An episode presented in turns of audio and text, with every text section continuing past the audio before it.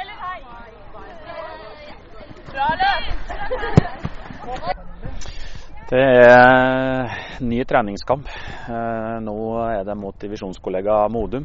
De havna på tredjeplass i tredjedivisjon i fjor. Eh, Litt vanskelig å si hva det betyr for dem i år. Det kan være nye spillere, det kan være frafall av spillere.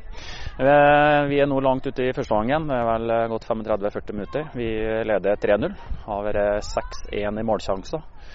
Og det ser veldig, veldig bra ut. Eh, er ikke helt, vi er ikke helt fornøyd med det offensive spillet vårt, til tross for at vi nå Der skåra vi mål, da. så jeg vet ikke om du fikk med deg det, men eh, nå gikk det opp til i hvert fall 4-0. Eh, Jeg sier det lugger litt det lugger litt i det offensive. Eh, Vi får ikke med oss eh, dobling av kant, sånn som vi ønsker.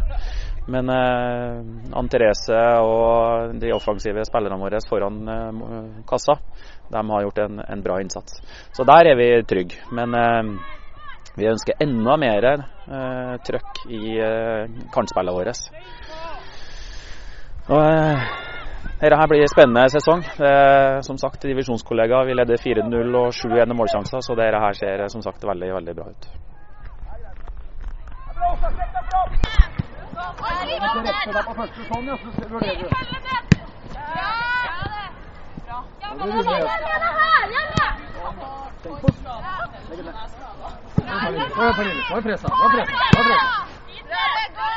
Hva heter du? Jeg heter Bård Sødeberg. Eh, Hva er målet med kampen her?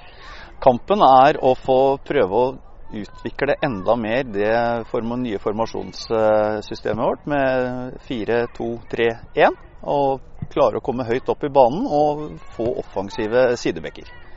Og få trøkk i det offensive spillet vårt. Vi skal øve offensivt i dag. Hva vil du si er styrk styrkene i spillet her? Eh, akkurat i dag, så langt, så vil jeg vel kanskje si at vi har ganske bra intensitet. Og så har vi en del å gå på i forhold til pasningskvalitet. Men intensiteten er bra. Eh, sikringsspillet, det defensive, virker solid. Men vi har som sagt litt mer å gå på eh, i pasningsspillet i det offensive. Yes, takk for intervjuet. Bare hyggelig. prendre le point.